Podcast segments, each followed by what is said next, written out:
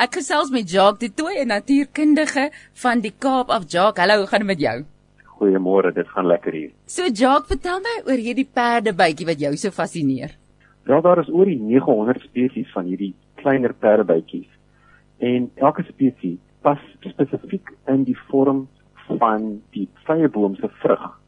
Daar's 'n unieke verhouding tussen die perdebye en die vye, soos ons hulle ken as vrugte.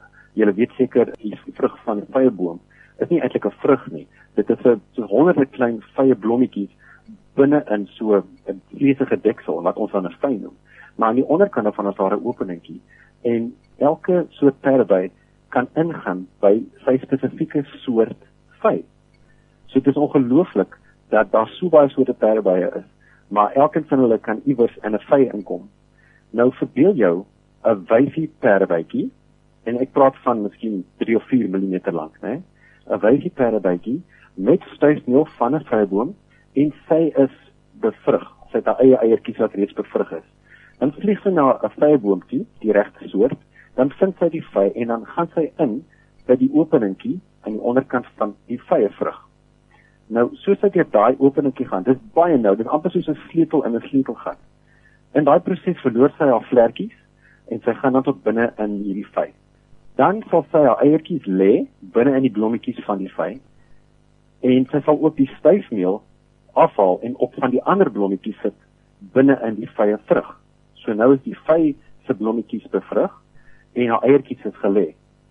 Kortliks daarna broei van haar eiertjies uit.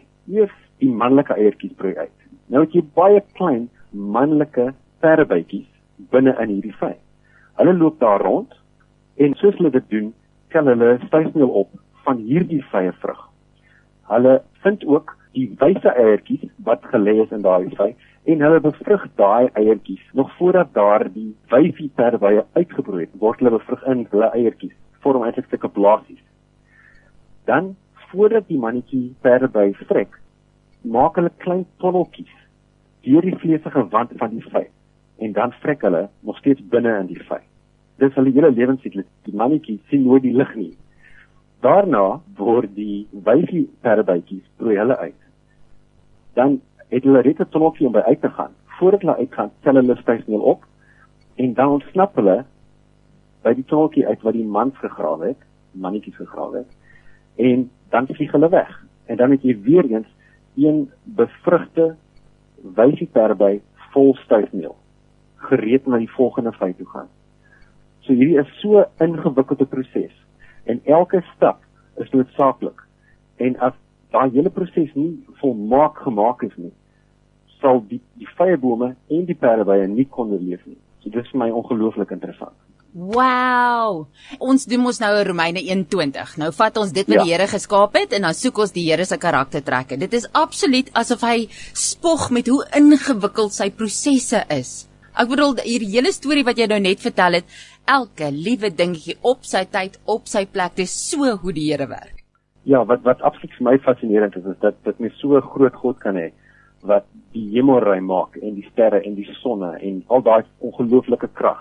Hy's so groot en almagtig, maar dan het hy soveel fyn detail dat jy so ingewikkelde prosesse het en dit gebeur heeldag elke dag op aarde met honderde soorte vyebome met omtrent 900 soorte perdebytjies en al hierdie klein ingewikkelde stappies is uitgewerk en hulle werk.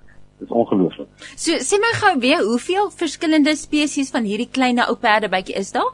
Daar's ongeveer 900 spesies van die kleiner perdebye. En dis nou nie eers die groter een wat ons ken, net so klein babatjies nie, dis 'n heeltemal 'n ander ding. Ja, Kan jy dit nou glo?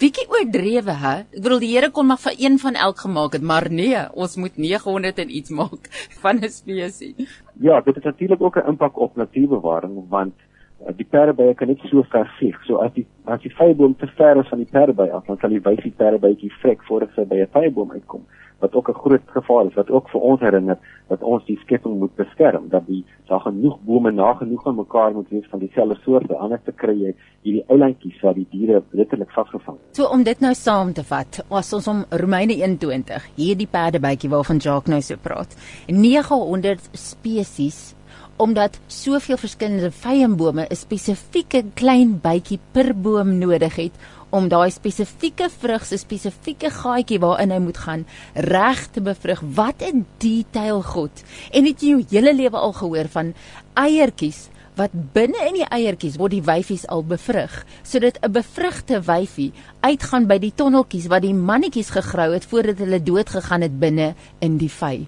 Jy kan nie dink in hoeveel detail God hierdie een spesies saam met hierdie een vyeboom spesies gemaak het sodat hulle presies in mekaar inpas nie.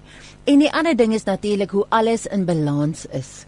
Dat een ding werk saam met nog 'n ding werk saam met nog 'n ding. En ons het al hoeveel keer gesê hierdie God van ons weet die beste dat hy die volle inligting het.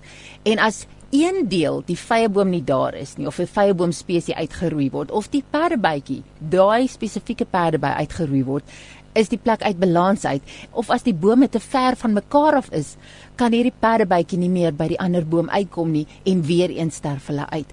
Die goed is alles in balans want God doen dinge met die volle prentjie. En hierdie God sê dis hoe ek dit wil doen as 'n tentoonstelling van wie ek is. Mag hierdie perdebytjie jou vandag inspireer om God in sy detail beter te leer ken. Ons het hom Romeine 1:20